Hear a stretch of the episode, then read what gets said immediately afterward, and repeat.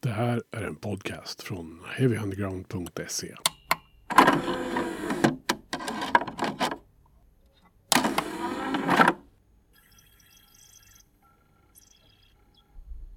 Dags för ett klassikeravsnitt från Heavy Undergrounds podcast. Och den här gången så ska vi... Vi har ju pratat om ett annat sånt, en annan sån här skiva egentligen förut. Eh, en uppföljare till en brak succé. Eh, Just kan man säga. Eh, den förra var ju Nirvanas In Utero som var uppföljaren till Nevermind. Men det här är ju uppföljaren till en debut kan man säga. Eh, Pearl Jams Versus från 1993. Mischa Sedini, välkommen. Ja, men tack, tack. Ja, men visst är det så. Eh, skillnaden med Nirvana var väl att det också var, var väl förvisso deras tredje platta. Exakt. Men eh, Nirvana, Nevermind var ju verkligen den ja, genombrottsplattan. Så på så sätt så var väl kanske In Utero svår. Mm, precis. Men Eh, men eh, Pearl Jam, vad har du för relation till bandet sådär generellt? Oh, men det har ju varit en... Jag skulle säga att det har varit en livslång kärlek. Det skulle jag nog säga. Sen att jag kanske inte har de senaste 15-20 årens släpp har väl inte intresserat mig nämnvärt. Eh, utan jag tycker att de hade en storhetstid där fram till och med eh, Vitalogy.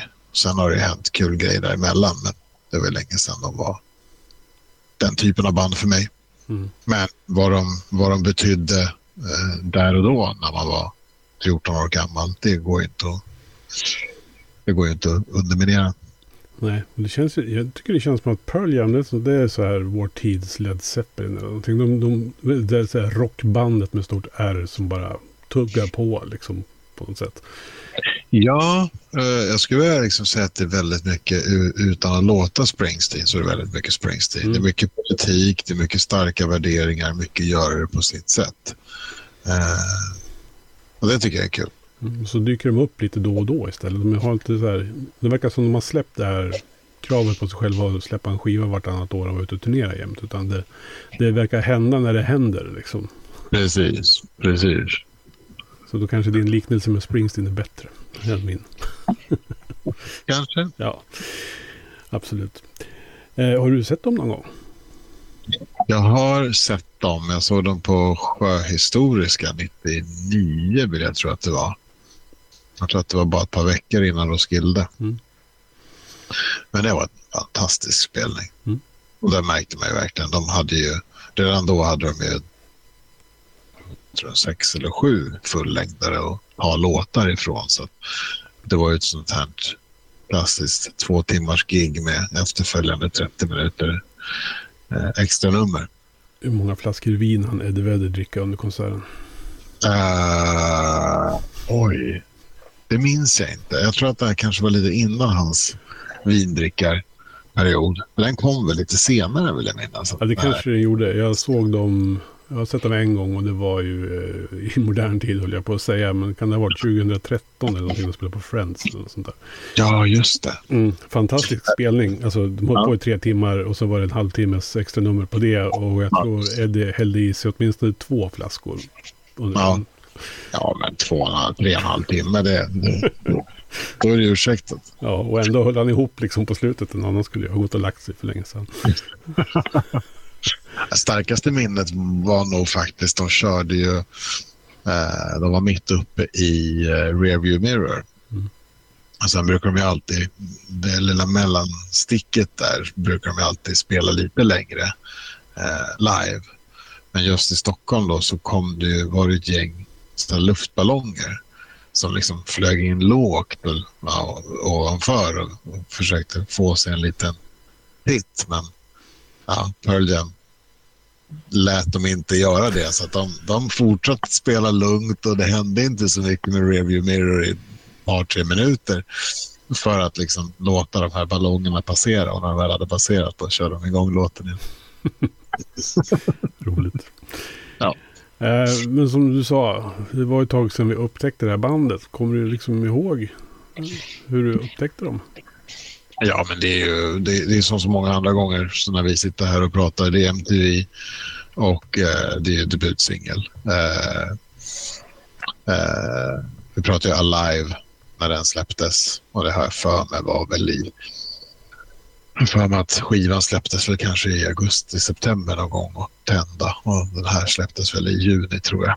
Mm. Jag har ju fortfarande kvar 7-tumssingeln med, oh. ja, med Once som B-sida. Men äh, jag, jag, jag, är ju sådär, jag vet att jag, jag, jag reagerade på det äh, när skivan kom. Att, äh, att när som, Alive låg ju som tredje spår, men då fick man en studioinspelning. Och det, bara, det, det blev helt fel i mitt huvud. Nej, det här går inte, det här är fel version. Den här är liksom jättestädad och jättetråkig. Mm. Uh, och det var först då jag reagerade på att det var ju faktiskt en live-version. Så deras första singel, det är live, det är inte taget från skivan. Men det är inte många band som gör. Nej. Nej. Men de är inte som andra band heller riktigt. Nej, de är ju inte det. Nej. Men jag tycker det är kaxigt. Ja, absolut. Ja, det var väl samma sak här. Alltså, det här var ju 91, 92. När liksom grungen slog igenom och Seattle var världs, världens mittpunkt. Eh, så den gick väl, liksom det var väl eh, Nirvana och eh, Pearl Jam som snurrade hela tiden på musikkanalerna. Eh, så det är bara, ja, hela TEN slog ner som en bomb i mitt liv då. Eh, måste man ju säga. Mm. Sen så har jag ju så här, men ett så här, apropå live-klipp då. Distinkt minne, det var ju när jag såg, eh, de spelade Rearview Mirror från Versus som vi ska prata om. På mm. Saturday Night Live. Mm. Det här gick ju på ZTV på, sent på eh, någon veckodag efter att originalet hade släppts så att säga. Eh, och det, det, är en ganska intensiv version av den låten de spelar. Och man ser, ja, Eddie han ser ganska trött ut. och mm. frustrerad. Det, säga, han, han, han, har en väldigt arg blick genom hela låten. Och det, det var ju mer ett punkband liksom som stod på scenen då. Ja. De körde den här. Eh, och dessutom spelade Eddie gitarr eh, på den versionen också. Så ja. de har ju tre gitarrister. Så det, det skramlar ju på rätt bra på slutet om man säger så.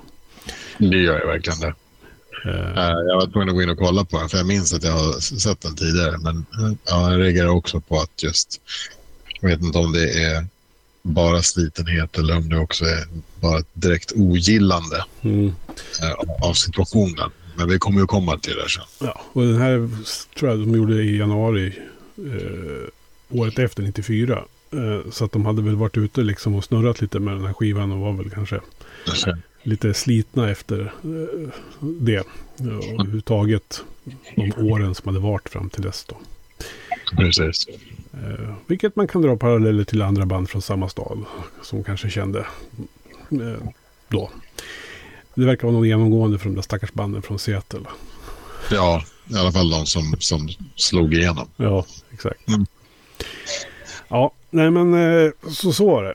Eh, 93 tiden då det här händer.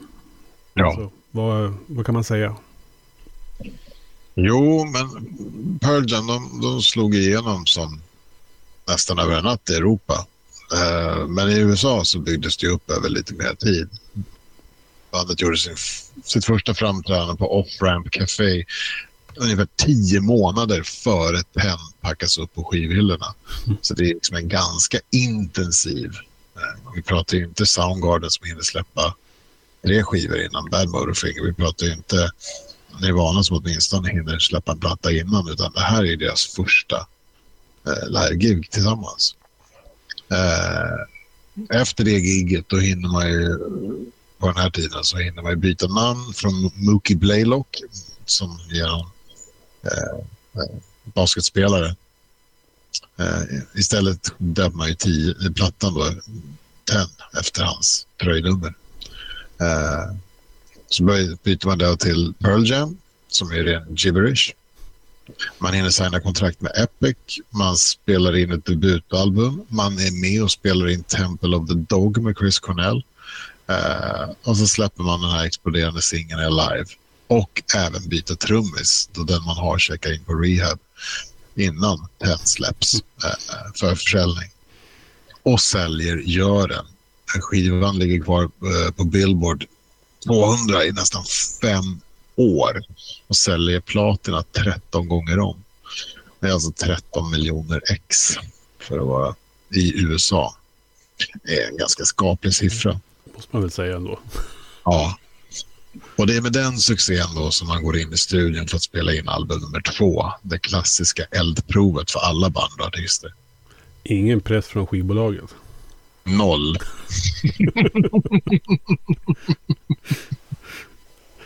ja. ja, hur följer man upp det liksom? Det, här, måste ju vara fruktansvärt att gå in liksom med, om inte annat, egna förväntningar då på något sätt och se om det här flyger en andra gång. Ja, och just när man liksom har sålt så mycket skivor och den typen av turnéer. Vi pratar ju, alltså det här är ju liksom i storhetsgrad som, säg, men, Mustley Crew. Mm. Och så har du skivbolag in och petar och alltihopa. Och jag menar, bara att försöka bolla det faktum att du har egna förväntningar och sen så ska de mixtras med alla andras. Mm. Ja, vi kommer att få en inblick i det där senare i avsnittet. Mm. Ja, men eh, Pearl Jam då, vilka kan man säga att, vilka är de här herrarna bakom det här bandet? Ja, men mm, vill man göra lite enkelt för sig kan man säga att Pearl Jam skapades ur askan från två band. Dels Mother Love Bone, i vilket Stone Gossard och Jeff Ament eh, ihop eh, med då eh, Malfunction-vokalisten Andrew Wood sår ett frö för den melodiösa sidan av den rätt breda genren grunge. Eh, men Wood dör av en heroinöverdos innan debuten Apple släpps och eh, Gossard och Ahmed står utan band eh, och bäste vän helt plötsligt. Så man tar en paus, eh, men Gossard börjar efter några månader lira ihop med Mike McReady när hans band Shadow lägger ner sin verksamhet. McReady i sin tur uppmanar efter ett tag gossar att höra av sig till Amund igen och den här trion börjar då skriva musik ihop. Och efter ytterligare ett tag så spelar man in ett demo då som man skickar runt till lite kompisar och folk för att eh, både hitta trummis och vokalist. Eh, och bland annat så skickar man ner då den till eh, Red Hot Chili Peppers före detta trummis Jack Irons. Eh, men Irons tackar nej. Eh, skickar dock eh, eh, demon då vidare till sin vän Eddie Vedder. Vedder gillar det han hör eh, lägger sång på tre av låtarna, skickar tillbaka trion till, eh, eller skickar tillbaka till trion då, som blir så pass imponerad att de flyger upp honom för en audition. Och en vecka efter hans ankomst till Seattle så går han med som sångare i bandet som då inom ett år kommer att bli världskända som Pearl Jam. Det är liksom tillfälligheternas spel här. Jag har funderat på det där och jag är jag har en teori, men vi kan ta den lite senare. Jag är inte säker på att det är så, eller det är klart det är tillfälligheter, men jag tror det finns faktorer här bakom som kan vara en förklaring till varför det gick så pass bra för dem redan på den här första plattan. Mm. Det är lite kul med den där, de där tre låtarna. Jag, vet, jag har dokumentären från när de fyllde 20. Mm. Pearl, eh, Pearl Jam 20 heter den, eller PJ 20.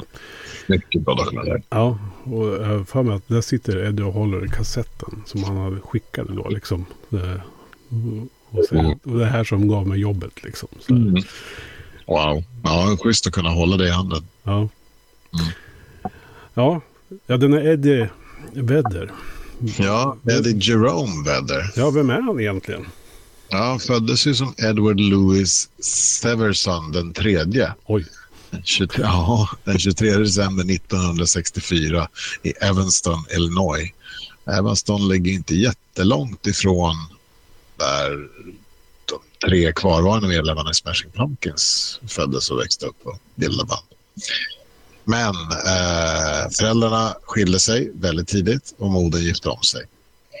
Eh, under sin tid då i Evanston drev Eddies mamma och styvfar ett eh, barnhem där de fostrade sju andra barn eh, i hemmet. Då.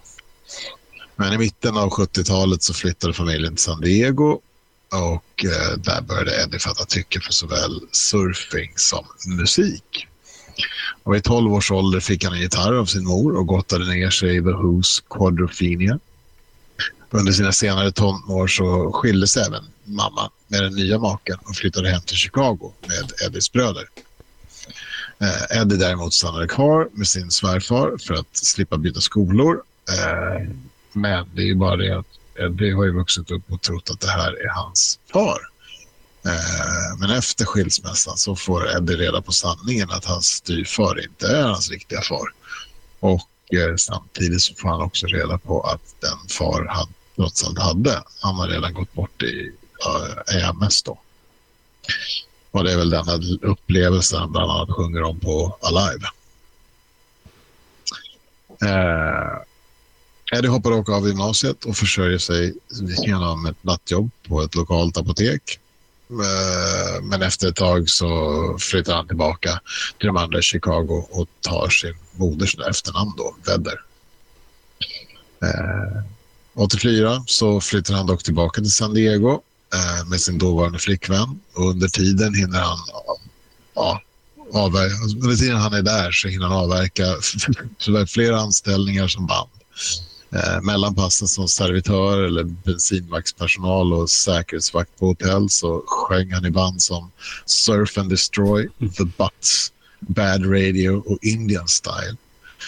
Eh, i, I det senare så spelade han faktiskt med Brad Wilk från Rage Against the Machine. Opa. Så de hade ju någon kontakt där tidigare. Mm. Genom den här musikscenen i södra Kalifornien så lärde han känna då Jack Irons som på den tiden spelade i Red Hot Chili Peppers. Och som senare då skulle göra en vända med Pearl Jam på andra sidan millenniet. Och det var genom Jack då som Eddie fick ta på den demo som skulle bli hans biljett in i Pearl Jam. Mm. Så han är ju den sista av de här fyra eh, sångarna liksom från de stora banden i livet. Det är lite, lite tragiskt att tänka på egentligen. Ja, och samtidigt inte jätteförvånande. Nej. Alltså, hade, man, hade någon frågat sådär när man var liten och sa ja, men det här är dina fyra idoler, tre, tre av dem kommer dö. Vem tror du överlever? Jag hade nog satt mina pengar på Eddie. Mm. För han har haft en starkare livskraft. Han har alltid haft det här ett rättvisepatos. De andra var ju mer ja, introverta. Ja, precis. Och mer deprimerade. Jag vet att det fanns någon sån här, det gick någon, när Chris Cornell dog så var det någon som undrade på något social media, så här, har någon kollat hur Eddie mår? ja, just det. vi, vi, kan inte förlora den sista heller av dem liksom. Det går inte. Alltså. Nej. Det man ser av honom i, jag följer ju hans, han har ju inget eget socialt konto sådär direkt, men uh, hans familj har ju det. Döttrar, en, en, av döttrarna och hans fru. Uh, och han verkar ju leva i all välmåga och må rätt bra. Så att, ja, det tror jag. Ja, en, en, en, god familjefar nu för tiden sådär som tar hand om familj och spelar musik. Ja, men han till skillnad från de andra, de andra skrev om sina demoner. Han tog hand om sina. Ja. Och jag tror att det är skillnad. Ja. ja. Men det finns ju fler medlemmar. Det gör ju det. Stone Gossard bland annat eh, föddes i Seattle eh, 20 juli 1966 till en mamma inom kommunalpolitiken och en advokat till pappa. Eh, Gossard eh, var ett ta kort tag med ett band som heter March of Crimes där även Soundgardens Ben Shepard var med. Den tiden gav honom goda kontakter med den lokala scenen då i staden Seattle och han blev nära vän med Steve Turner som han också startade det senare kultförklarade eh, grungebandet Green River tillsammans med Mark Arm och Jeff Ament. Eh, och när Green River la ner på grund av meningsskiljaktigheter av musikalisk inriktning så gick ju Steve och Mark vidare till eh, hyfsat berömda Mudhoney också. Eh, och Stone och Jeff bildar då Mother Love Bone tillsammans med sångaren Andrew Wood. Eh, och som vi sa tidigare så såg bandet ut att ha en ljus framtid med skivan som skulle släppas på Polygram. Men Andrew hann ju då överdosera på heroin innan skivan släpptes. Eh, och som vi sa, Gossard och Jeff de började spela med McCready och eh, samarbetet som då inte bara skulle leda dem till Eddie Vedder och bildandet av Pearl Jam utan även skapandet av Temple of the Dog tillsammans med Chris Cornell och Matt Cameron från Soundgarden. Jag älskar de här träden som växer fram med Mm. band. Liksom hur det liksom hänger ihop. Jag vet inte, är det så organiskt nu för tiden? Ja, det är klart att det är. Men när man läser om de här banden och liksom följer tillbaka vilka som kände varandra när och hur länge de har känt ibland. Det, det jag tycker är fascinerande. Och det, det inser man ju också att det kanske inte är en slump att det händer grejer. Nej, och jag tycker det som är mest fascinerande är att jag har nog aldrig... Alltså man har ju läst väldigt mycket om alla band man gillar. Och man, visst, det finns ju band som är polare och sådär. Men jag har aldrig varit med om en scen som har varit så ihopkopplad. Nej. Alltså det är precis som du säger, det är verkligen ett träd. Mm. Eh, Medan andra städer på sin höjd är liksom ett knippe blommor. Mm. Alltså, så det är verkligen speciellt det som hände under, i Seattle. Mm. Och det är nog svårt. alltså, Det var ju verkligen min första riktiga kärlek så. De här banden som kom därifrån. Så det var ju min första gång jag upplevde att åh, det fanns en specifik stad som gjorde bra musik. Mm. Att, eh, för mig var det mer regel då än undantag. Men jag har förstått i efterhand att det var ett redigt undantag. Ja. Mike McCready då? Visst, vet du, den andra gitarristen. Han föddes i Pensacola, Florida i 2 april 1966. Men eh, föräldrarna flyttade väldigt snart efter hans födelse då till Seattle av anledningar som inte står på Wikipedia. Eh, hans föräldrar spelade Hendrix och Santana för honom och hans vänner gillade Kiss och Aerosmith. Eh, Mike själv fattade snabbt tycke för musik och eh, köpte sin första gitarr som 11-åring och började ta lektioner. I högstadiet bildade han sitt första band, då som senare kom att heta Shadow. Eh, bandet var till en början ett coverband, men när Mike och grabbarna började närma sig 20 bestämde sig bandet för att satsa stort och flytta till Los Angeles. Det var å andra sidan en satsning som inte gick hem och bandet splittrades snart efter att man flyttade hem till Seattle igen. Efter en tids leda och frånvaro från gitarren eh, leddes Mike som av stjärnorna tillbaka till gitarren.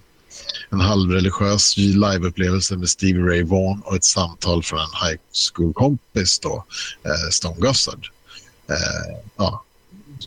Så, ja, efter det så, så repade de två på nytt material och, som de ville göra någonting med. Mm. Och Mike uppmanade som ni vet Stone att återknyta kontakten med Jeff Ament så de tre började spela.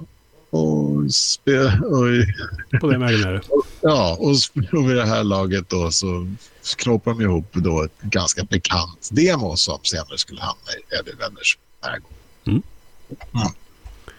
Ja. Eh, Sen har vi min favorit, eh, kanske inte som musiker eller så, utan bara den som har roligast eh, bakgrund. Eh, och det är Jeff Ament. Han föddes den 10 mars 1963 och han är inte bara äldst i Pearl Jam utan också äldst av 12 syskon. Familjen han växte upp i som utgjorde 14 av 700 ur befolkningsmängden i Havre, eller Havre, eller som vi säger Havre, eh, Montana, eh, var enligt egen utsago fattig och hardcore katolsk. oj. Mm. Pappan i familjen jobbade inte bara som borgmästare i byn i 15 års tid utan också som barberare och busschaufför. Eh, Jeff själv han började spela bas i tonåren och lärde sig spela till tonerna av Ramones, The Clash och The Police. I skolan var han ganska sportig av sig och spelade både amerikansk fotboll och basket. Och sen började han på universitetet i Montana men hoppade av mitt under utbildning då skolan meddelade att de skulle lägga ner sitt program för grafisk design. Jeff tog då sitt pick, pack och band och flyttade till Seattle där han senare träffade Stone Gossard som skulle leda honom till Mike McCready och ja, ni vet, jada, jada, jada, demo-tape. Det är som att de har liksom en gemensam historia, det här bandet. Det känns så. Och Det är väl eh, Jeff Ament som har den roliga huvudbonaden hela 90-talet också. Ja, Mm. precis. Den är, från den ena till den andra. Ja. Som han också lyckas skaka av sig på det här Saturday Night Live-framträdandet om man inser att det kommer en, en eh, väldigt eh, blonderad kalufs. Ja, Så det kanske bara var mest bra att han använde huvudbonaden. kanske det. Vem vet? Men alltså, bara 700 befolkningsmängd. i Havre. Alltså, Mm. en liten by. Där Ja. växte han. Ja. Och sen flyttade han till Seattle som är typ stort som Sverige eller någonting. Ja. Precis. Ja, eh, sen håller de ju av någon trummis innan redan då, men eh, det är två. två till och med. Säger, ja, eller ja, egentligen en då kanske. Men eh, ja, Dave Abruzzese var väl tredje på pinnen i alla fall. Eh, och, eh, men han föddes i Sanford ja, och han var inte sista heller. Det ska vi kanske berätta också. Ja. Eh, föddes i Sanford, Connecticut 17 maj 1968 och var ju då yngst i bandet. Eh, men han växte upp i Mesquite i Texas. Började sin bana som trummis när han gick loss på sin fars fiskelådor när de var ute på fisketur. Fick senare ett eget trumset som var det enda förutom hans säng som stod i hans pojkrum. Hoppade av high school och fokuserade på att spela i Texas musikscen där han avverkade ett gäng okända band fram till att hans vän och kollega från Texas-scenen Matt Chamberlain hörde av sig och ville ge eh, sitt gig som inhoppare i ett band till honom. Matt var redan då en duktig trummis och har senare blivit känd som sessionstrummis åt eh, artister som Tori Amos, Leonard Cohen, The Who, Bob Dylan, The Perfect Circle med massa mer. Eh, gigget han ville ge bort var det som trummis i Pearl Jam. Deras tidigare eh, trummis då, Dave Cruzen, han hade ju hoppat av och checkat in på rehab. Eh, Matt själv hade ju bara hoppat in tillfället för att hjälpa till. Och, eh, men Pearl Jam däremot, de hade ju nyss blivit ökända efter vad som följt av en demotape som skickats ner till San Diego och behövde fylla trumstolen inför kommande turnéer. Ja, men han var inte med på demokassetten i alla fall. Eh, nej, Nej. precis. nej. Eh, däremot så var det ju Dave Cruzen som var med på, eh, på albumet. Men det roliga är att Matt Chamberlain, han hade ju redan hoppat in efter att skivan blivit klar. Innan de liksom började ut och turnera. Mm. Så den här live-versionen, då är det tydligen Matt Chamberlain som spelar. Mm. För han spelade ju live med dem. Så att.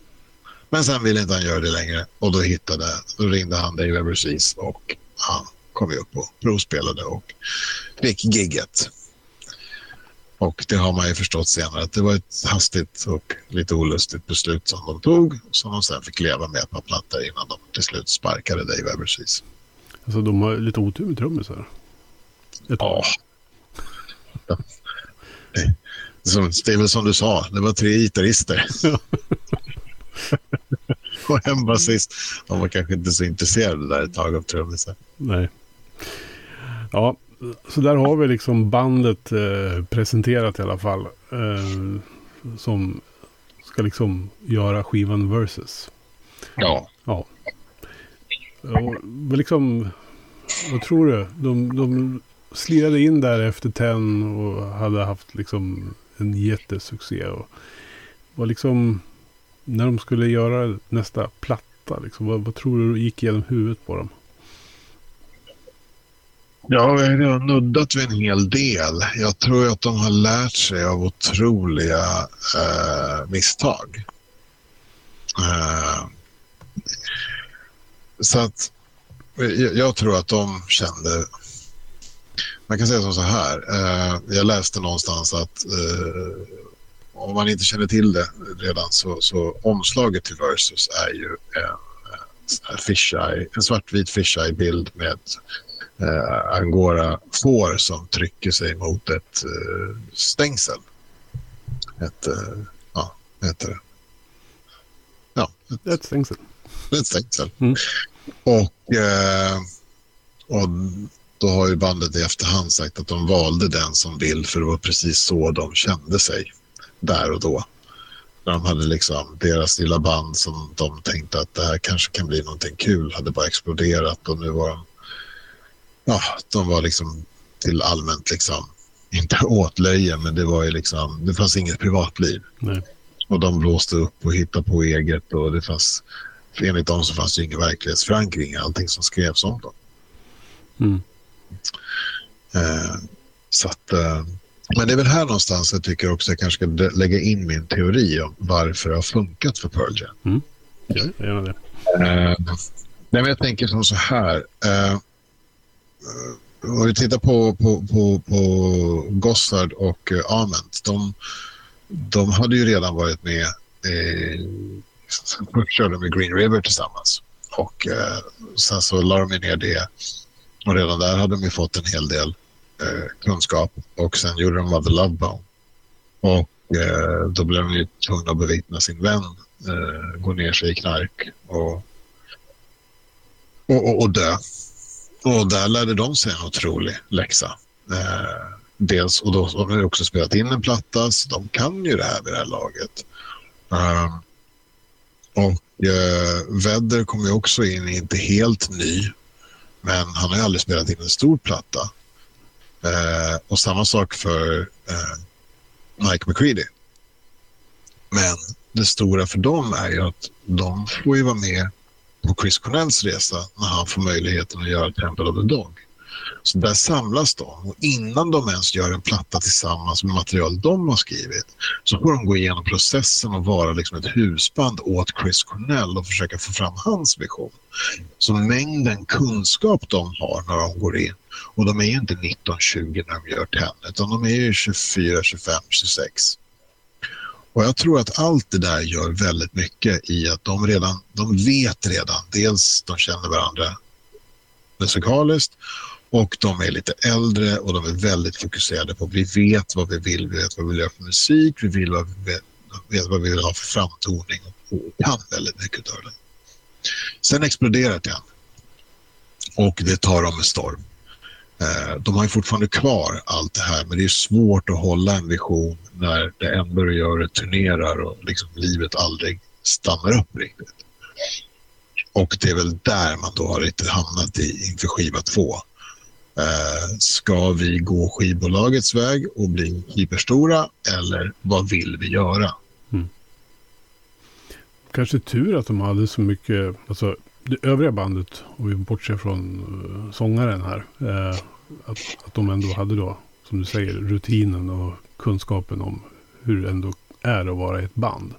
Nej. Jag tror att, och det kommer vi väl återkomma till, men jag tror Eddie Vedder hade mer problem med, med kändisskapet. Sådär. Ja, och det var nog också för att man gjorde ju Eddie som den enda stora. Mm, precis. Ja. ja. Så det, ja. det märks ju liksom på ja, som vi var inne på tidigare då, de här live-klippen man har sett när han ser väldigt trött ut. Och jag tror han är uttryck för det i dokumentären också, att han var liksom inte van med att folk tittade efter honom när han var ute och gick på stan. Liksom, han kunde, helt plötsligt kunde han inte gå och ta en kaffe liksom, utan att det blev liksom jättejobbigt. Det är det som är förbannelsen när man är frontman. Liksom. Vi kan ju gå händelserna i förväg. Det finns ju en låt på den här Versus-plattan som heter uh eh, Blood. Mm. Och eh, där finns ju en textrad som går Turn Ed big. Turn Ed eh, into one of his, uh, one of his enemies. Mm. Och då menar, alltså han, han, och det han specifikt menar där är att han tycker inte om folk som är grand rockstars. Mm.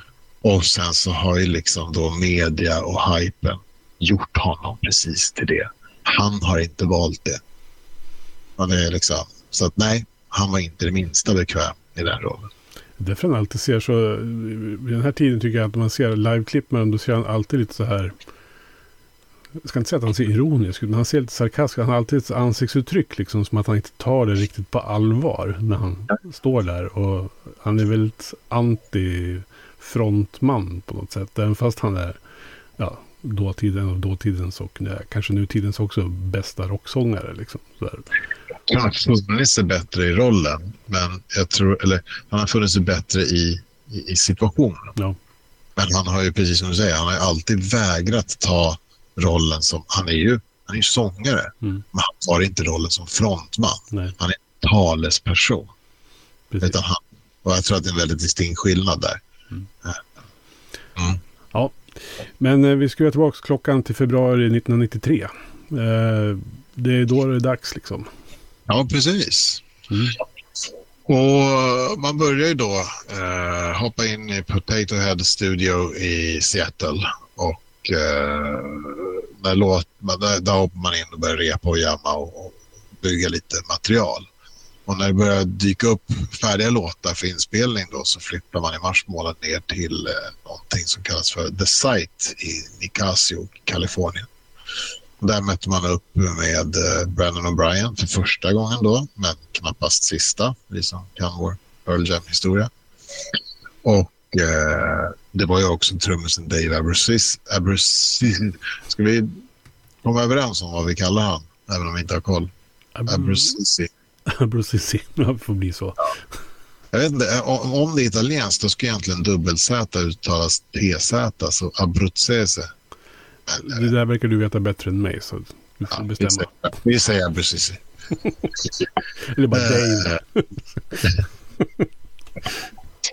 och Brennan O'Brien då, han, han spelar in och, och, mixar. Och tillsammans med honom så kommer man överens om att man ska spela in och mixa eh, en låt i taget. Eh, just för att varje låt ska bli klar innan de går vidare. Också. Och eh, man spelade in det mesta av låtarna live och de flesta låtarna kom till genom jamsessioner. Så man riggade upp och stod i en rigg. Liksom. Uh, och första veckans inspelningar de bar god frukt och man spelade in Go, Blood, Rats och Leash inom loppet av fyra dagar, eller inom sju dagar. Men sen gick man definitivt in i en vägg. Och precis, det är här vi backar bandet lite. Då. Mm. Uh, Pearl Jam hade växt otroligt fort. Uh, Ten hade singlar på listorna. Uh, eller säger Ten hade exploderat på listorna och bandet hade rest världen över för att marknadsföra sin skiva. Singlar som Alive och Jeremy de nöttes ut fullständigt av MTV och radiokanalerna. Bandet var trötta. Men det fanns mer som låg och gnagde. Eh, bandet var missnöjda med mediebilden av dem och den fokus tidningarna hade lagt på frontmannen Eddie. Eh, Vedder då som också kände en enorm press att skriva album nummer två efter att ha blivit ja, mer eller mindre en röst för en hel tonårsgeneration. Mm. Eh, man kände sig också pressade och kontrollerade av skivbolagen som hela tiden ville maxa en redan skenande försäljning. Pengako. Eh, Vedder får skrivkramp. Inspelningarna går in i en återvändsgränd. Eh, The Site då i Nicasio var en alldeles för fin plats för Eddie. Han vantrivdes. Han ska ha sagt att hur ska man kunna spela in en rockskiva på en plats som denna? Eh, mm, syftade till att det var alldeles för fint och var i misären. Eh, så han flyttade ut i sitt sovrum och började sova i sin bil eller i studions bastu, golv, vad som helst, bara liksom var lite obekvämt. Det gick så långt att bandet i en välmenande gest började göra Eddies vistelse på, på, på den här ranchen då, så jobbig och obekväm de bara kunde i hopp att kickstarta hans kreativa sida. Och till slut då så släppte den här blockaden och bandet kunde fortsätta spela in. I efterhand har Vedder sagt att den andra skivan var den jobbigaste för mig att spela in. Jag var inte bekväm med att det var så bekvämt i studion. ja, så kan det vara. Men du som har spelat in skivor och sådär, alltså det här med att spela in en låt åt gången. Mm. Alltså från början till slut och göra klart allting. Just det. Är, är det, är, är det en bra idé? Jag tycker som så här, jag tycker att allting som känns som en bra idé för att du ska känna inspiration är en bra idé. Mm. Så att om du känner att du vill spela in, du vill göra som, vad heter det, Dave Grohl på uh, Songs for the Deaf och spela in trummorna först och cymbalerna sen. Gör det. Mm. Om du känner att du vill spela in till clicktrack, gör det. Om du vill spela in live hela gänget, gör det. Vill ni inte ha några overdubs, gör inte det. Vill ni ha alla overdubs, spela in en sträng i taget som Def Leppard, gör det. Det är liksom... Eh, mycket av det här handlar ju bara om att lägga upp någon form av gemensam ribba, någonting man kan samlas vid så att alla har en lite gemensam framtoning. Mm. I övrigt så, så är det liksom alla sätt det bra sätt. Mm. Sen gäller det väl att ha en producent då, som liksom håller ihop den då. Ja, dels det. Eh, eller åtminstone någon som är med på, säg att du vill göra olika, säg att du vill göra in, spela in vissa till ett klick och några andra till live. Då ska du ju ha en producent och, och, och inspelningstekniker som mm. knyter ihop säcken bra. Jag tycker det låter som en trevlig idé eh, att spela in låt för låt. För att de, som de var överens om så skulle de ju också mixa det eh, innan man gick vidare på nästa. Det betyder ju att det blev en unik mix på varje låt. Och det är ju en eh, masteringsteknikers värsta mardröm. Han vill ju ha samma ljudbild på hela plattan. Mm. Men du får ju mycket roligare dynamik. Många av de här plattorna som man har älskat under åren, de har ju varit kanske så att de har spelats in på lite olika ställen, av olika studier, så det har varit sångpålägg på något annat ställe och så där. Och då blir det inte riktigt att man använder samma gitarrljud eller man man funderar lite mer på vad varje låt behöver för att bli klar. Mm. Ja, det kan jag tycka är väldigt trevligt. Mm. Det för oss ju lite in på nästa rubrik här i vår lilla resa om versus. Alltså, hur låter det då? Alltså, alla har väl förhoppningsvis som lyssnar på det här har ett intresse av Pearl Jam uh, hört skivan. Ja, har man lyssnat så här långt ja. så, så, tror jag att man har hört Pearl Jam förr. Uh, ja, versus de två första låtarna, de låter i alla fall lyssnaren påminnas om vilket band man lyssnar på. Vi pratar om Go och Animal. Uh, uh, men all igenkänning försvinner redan på spår nummer tre med låten Daughter. Där har ju liksom Pearl Jam gjort en jättevändning mot Ten. Det finns inget sånt material på Ten. Eh, om fokus legat på Zeppelin-liknande rift och, och 60-70-tals doftande rock på Penn så är Versus en mycket mer varierad eh, skiva. Mm. Eh, de hårda låtarna är ju hårdare. Pratat Go och, och, Leash och, och lite annat. Eh, men sen fanns det ju mycket tydligare akustiska låtar i Daughter och Elderly Woman Behind the Counter. Eh, det är nästan countrylåt. Liksom. Mm. Eh, sen har du ju Glorified G, Leash, Dissident. De visar ju ändå på, på ett mognare sound eh, där berättandet inte längre är så ångestdrabbat men fortfarande tar upp tunga sociala ämnen. Och sen har du låtar som WMA, White Male American och Rats då, som visar upp ett ganska experimentellt Pearl Jam. Uh, och Indifferencen knyter ihop säcken med något som jag vet inte, skulle kunna vara skrivet av The Doors som Morrison någonsin lyckats nyktra till. Mm. Överlag en väldigt varierad skiva som ytterst sällan tappar andan eller momentum, enligt mig. Uh, du, vad tycker du?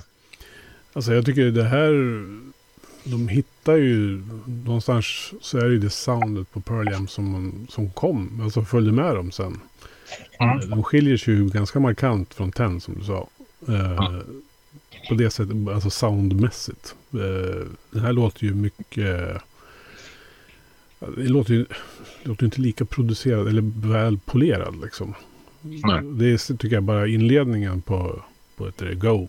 Uh, börjar ju lite så här halvtrevande med Mm. Ja, det, det bankas lite på trummorna och det spelas runt lite grann på någon bas. Liksom, så där innan det liksom smäller till och riffet går igång. Liksom, det där bam, bam, bam. Liksom.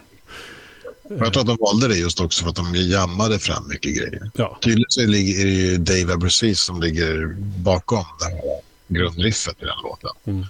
Uh, han satt och klinkade på det och, och, och, och bossade och tog över.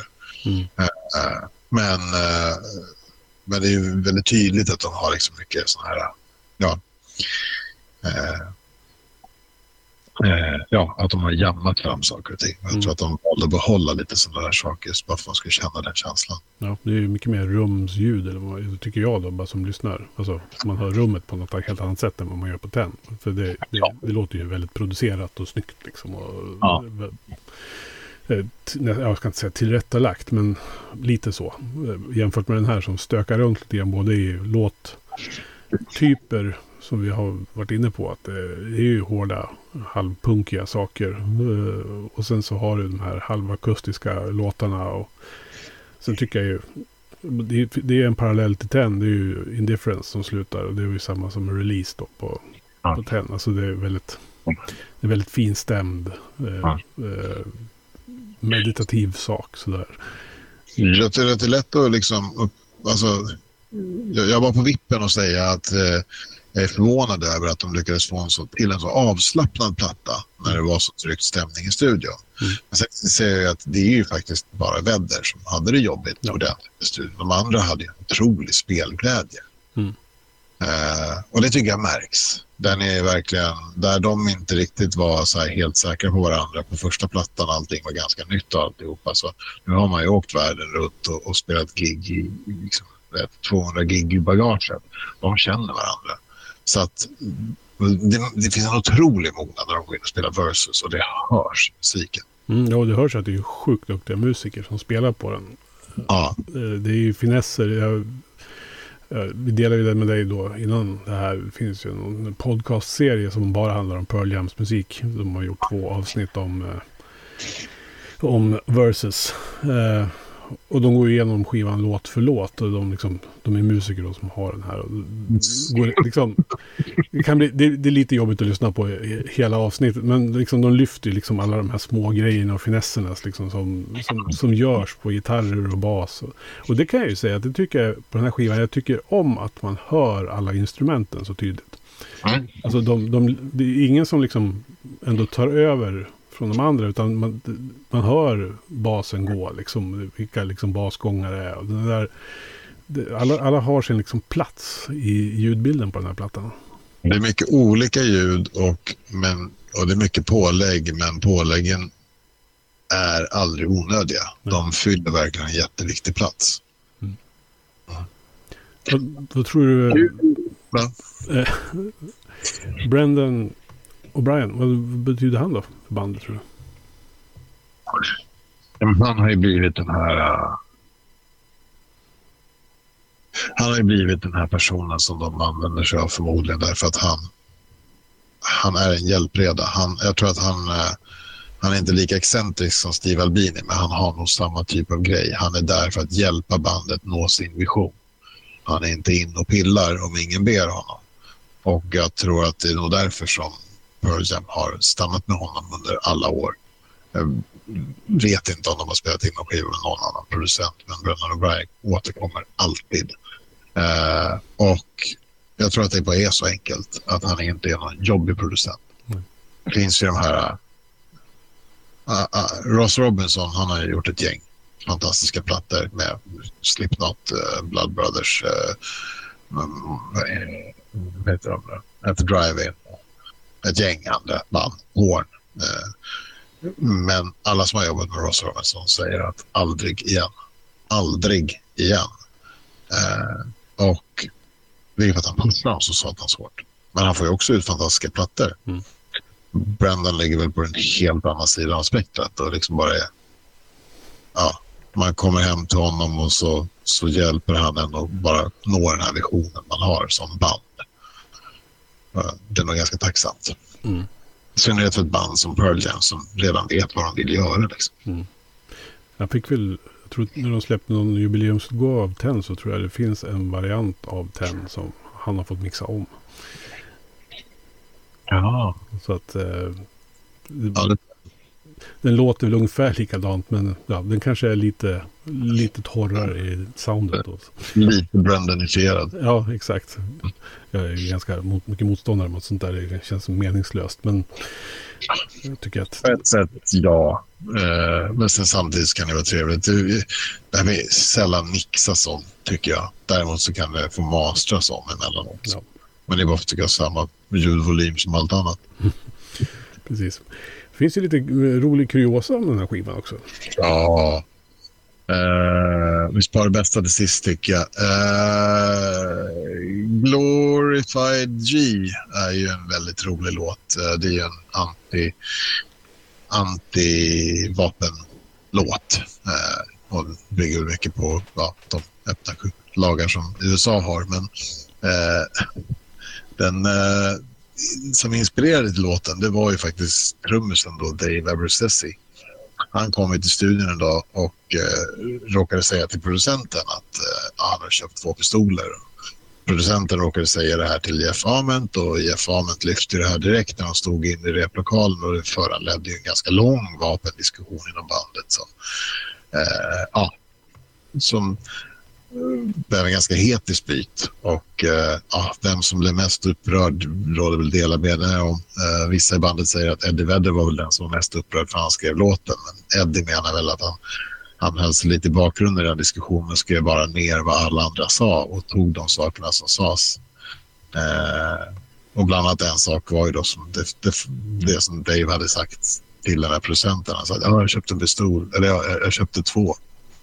Då öppningsraden i Glorified i G är ju I got a gun. In fact I got two. Mm.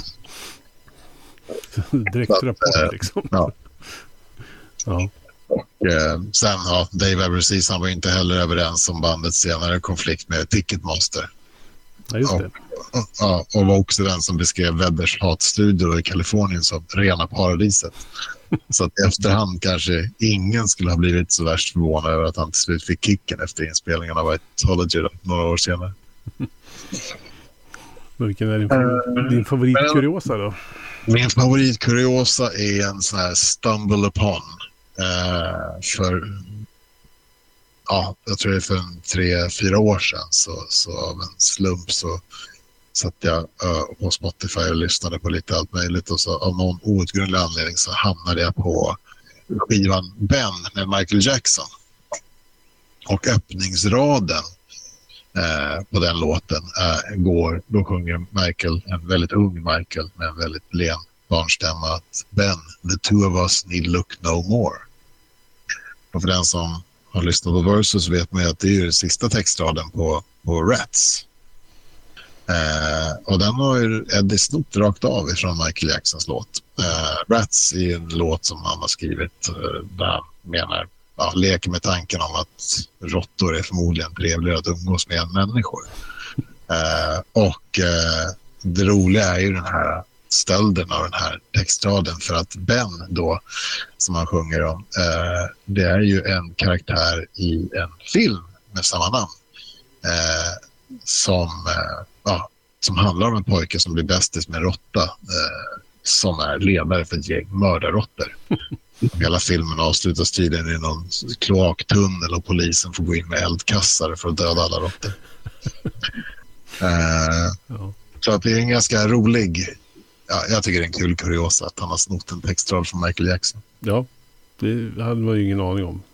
Nej. Nej inte jag heller fram till för fyra år sedan. Han har aldrig sett någonting om att de har skrivit om det. Jag tror att jag googlade på det också. Det verkar inte vara så många som har snappat upp det. Nej. Så men, där har men i vanlig ordning så ville de inte spela in någon video till den här plattan. Nej. Men vi kommer ju till det här liksom. Nu, nu står ju Pearl Jam i ett vägskäl. Vad ska de göra? Hur, hur, ska de följa skivbolagen? Även om de kände sig som slavar under det hela liksom. Eller ska de gå sin egen väg? Ja, vi alla känner ju Pearl Jam. Så inför det här släppet då så vägrade man spela in musikvideor. Eh, jag tror också att initialt så vägrade man att, eh, att eh, släppa singel. Mm. Eh, man släppte ett gäng singlar till den här plattan, men initialt så vägrade man. Man tryckte upp kassetter med två spår som man delade ut gratis i skivaffärerna. Jag har en sån skivkassett, eller en sån kassett för uh, och, eh, och, man vill inte göra videos, man vill inte koppla låtarna till förbestämda teman. Man märkte det med Jeremy. Mm. Den låten kan inte handla om så mycket annat för att ja, den är så kopplad till video och alla medlemmarna var lika överens. att de, Man ska blunda och man ska få upp sitt eget universum när man lyssnar på en låt. Det är inte liksom förutbestämt. Eh, man sa också att man ville inte ta upp mer tid i eten. Eh, och därför släppte man inga singlar, eller till en början i alla fall. Eh, för att man tyckte att man hade redan rönt så mycket stora framgångar och eh, hade redan en fanbase stor nog. Eh, så att man ville ge den här tiden i, på MTV till andra up and coming band som behövde tiden bättre. Mm. Eh, och man skar också ner på mängden intervjuer och allmänna framträdanden. Och det är väl också det vi ser lite när de spelar Review Mirror på Saturday Night Live. Det var nog inte Eddie Vedders val att göra det gigget. Nej. Jag tror att han played along för att hans kamrater tyckte att fan, det är klart vi ska spela på Saturday Night Live. Klart, säger Eddie. så att... Eh, Det blir så tydligt. Det finns ju klippet då. För bandet står ju alltid tillsammans med världen på Saturday Night Live i slutet. Och ska vinka och säga hej då. Mm, Och de, alltså de, det syns så uppenbart att de har blivit inknuffade. Liksom, ni måste stå där på slutet. Liksom. Mm. Och de, vill ju, de är ju på väg ut ur rutan liksom, innan de klipper. ja, Men jag kommer inte ihåg vem som var värd men han står och vinkar sig glad ut. Men Eddie han ser ut som han, liksom så här, skjut mig, står det bara. Står skjut så här. Nej, men han ville inte vara en del av det där. Han, ville, han, ville absolut, han kunde absolut vara liksom någon för sin publik. Men han ville liksom inte göra de där grejerna för att liksom blidka någon eller liksom skaffa mer publik. Nej. De hade nog med publik tyckte jag. Mm. Och jag tror att de såg väl det där. De hade det ju på känn och de märkte ju sen hur det gick för Kurt. Mm. Eh, som ju också fick, för problemet för Nirvana var ju det att de, de gjorde ju anti rock music. Liksom. Mm. De ville göra smart musik för smarta människor och hatade ju liksom douchebags. Men sen blev ju grungen, det blev ju liksom douchebag-rock och helt plötsligt så stod det bara douchebags i, i, i hela publiken. Och eh, jag tror att det var liksom Kurt Cobains värsta farhåga liksom, som besannades. Men Versus då var liksom... Den följdes ju av Vitology sen. Eh, men, och jag sa ju det att eh, det här var ju här någonstans de hittade något sound tror jag som än idag hänger med. Och har gjort, eller hängde med ganska länge i alla fall. Eh, vad skulle du säga liksom? Vilken bana skickade de iväg sig själva på i och med Versus? Jag tror att de hittade en större lekfullhet. Mm. Och vågade kanske gå på fler låtidéer. Uh, eh, om man tittar på Pearl Jam på 10, det är ju mycket Gossard som har skrivit materialet och sen så liksom förfinat det med, eh, med Ament och, och McCready. Eh, och ja, det var väldigt mycket färdiga låtar som kom in i studion. Eh, och Gossard själv säger att Versus var mycket bättre för att där kom vi alla in med idéer och vi jammade kring dem. Det blev mer ett, ett band som spelade tillsammans. Och eh, jag tror att den banan var de skickade in eh, några skivor framöver. Mm. Sen med åren så har ju Pearl Jam allt mer tagits över av Eddie Vedder. Det är eh, jag skulle säga att Backspace är väl typ 80 procent Vedder. Mm. Eh, men det fanns en tid när Gossard och McCready fortfarande var aktiva låtskrivare i Pearl Jam och då kom de här grejerna. Mm. Så att, eh, jag tror att det var det som hände. De blev ett band som alla skrev material. Ja, den här tjurigheten de hade med att inte spela in videos och göra saker på sitt eget sätt. eh, På något sätt så kanske var det som var räddningen för dem också. Att de liksom valde att gå sin egen väg och att de faktiskt än idag finns kvar. Och Ja. Och kanske både och. Eh, Jag vet att alla av dem säger så här i efterhand att det, hela den attityden föranledde ju också det här kriget de hade med Ticketmaster. Mm. För de som inte vet vad det är så var det att de, de bojkottade Ticketmaster. För Ticketmaster på den tiden hade ju, de skrev ju ensamrättsavtal eh, med, med arenor. Så att eh, det var bara Ticketmaster som fick anordna. Och när de väl fick eh, mm, ja, tillräckligt med monopol så trissade de upp biljettpriserna. Och de hade skyhöga biljettpriser. Följan mm. fick ju nog till slut för de ville inte vara ett sånt band där man var tvungen att betala dyra konsertpengar. Liksom. Eh, så att då skapade de sin egen turné och sin egen verksamhet och spelade på alternativa scener. Men det var ju ett arbete. Dels det och sen så stämde de ju Ticketmaster. Men det, allt det arbetet höll ju på att dra ner dem totalt som band. Mm.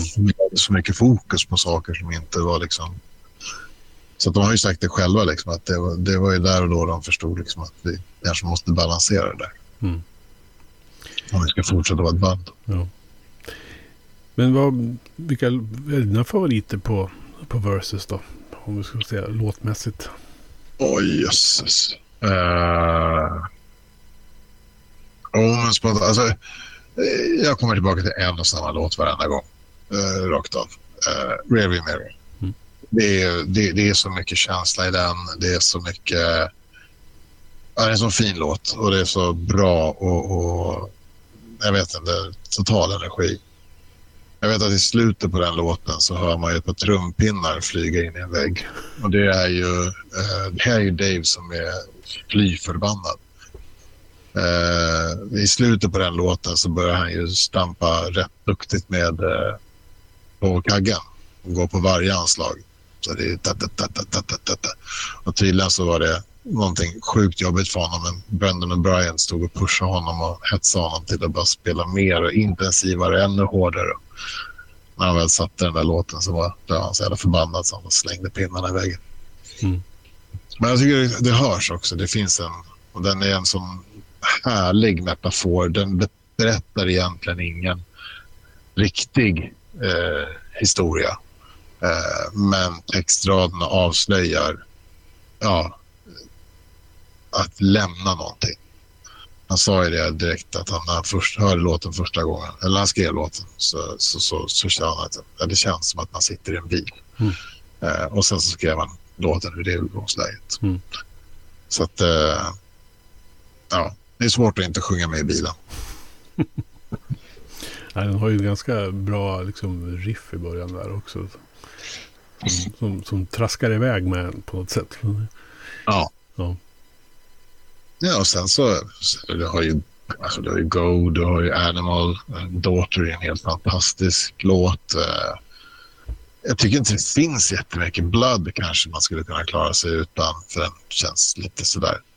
Eh, och sen kanske inte allt, ja, jag måste vara rätt humör för att orka med eh, Elderly Woman. Men jag menar, Leash. I am fuel, you are friends, we got means to make amends. Det är ett sånt jävla fantastiskt eh, tonårsepos. Eh, drop the leash, drop the leash, get out of my fucking way. Mm. Verkligen bara kan se liksom hela publiken står och hoppar och scrollar med. Magiskt. Ja, nej, jag har aldrig riktigt... Alltså, det är som du säger, det, det, känns som en väldigt jämn platta liksom. Överlag, även fast de liksom, låtarna är ganska olika. Det finns liksom de här som vi var inne på, nästan countrydoftande, halvakustiska sakerna och sen mer aggressiva.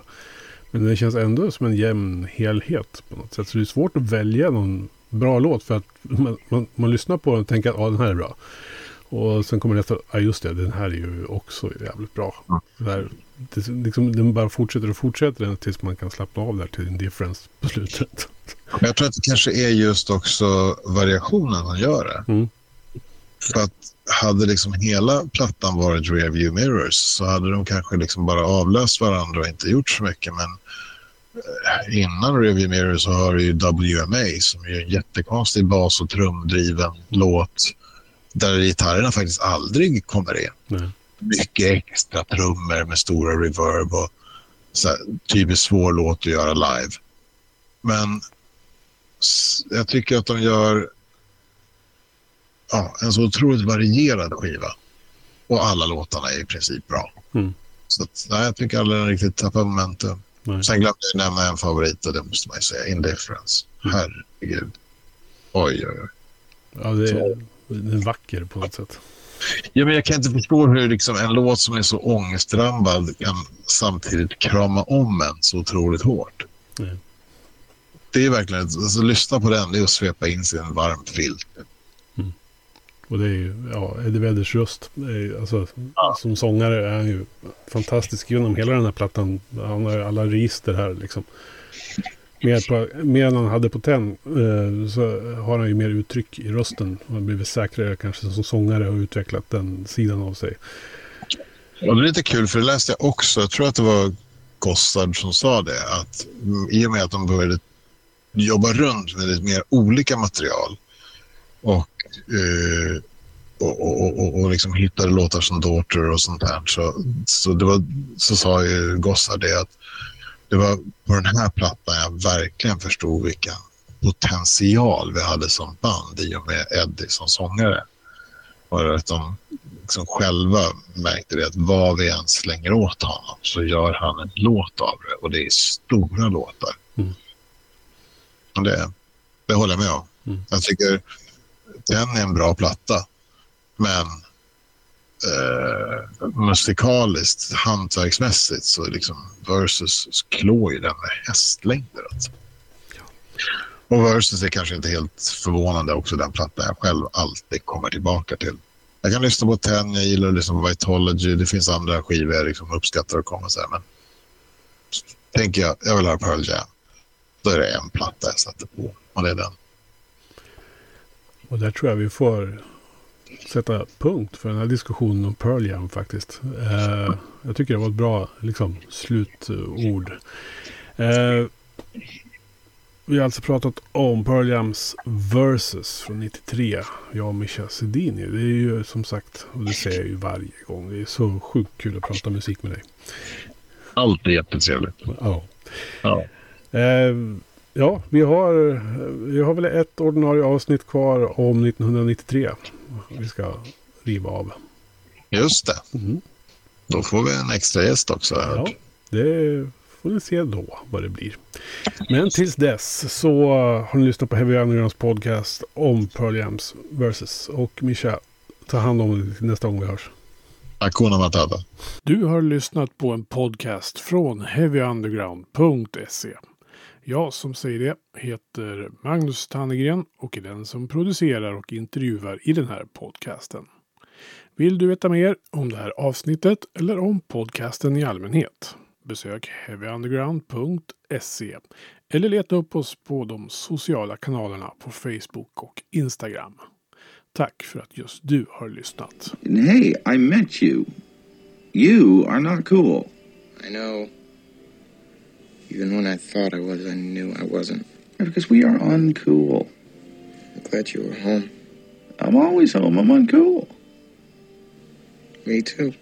You're doing great. You know, the only true currency in this bankrupt world is what you share with someone else when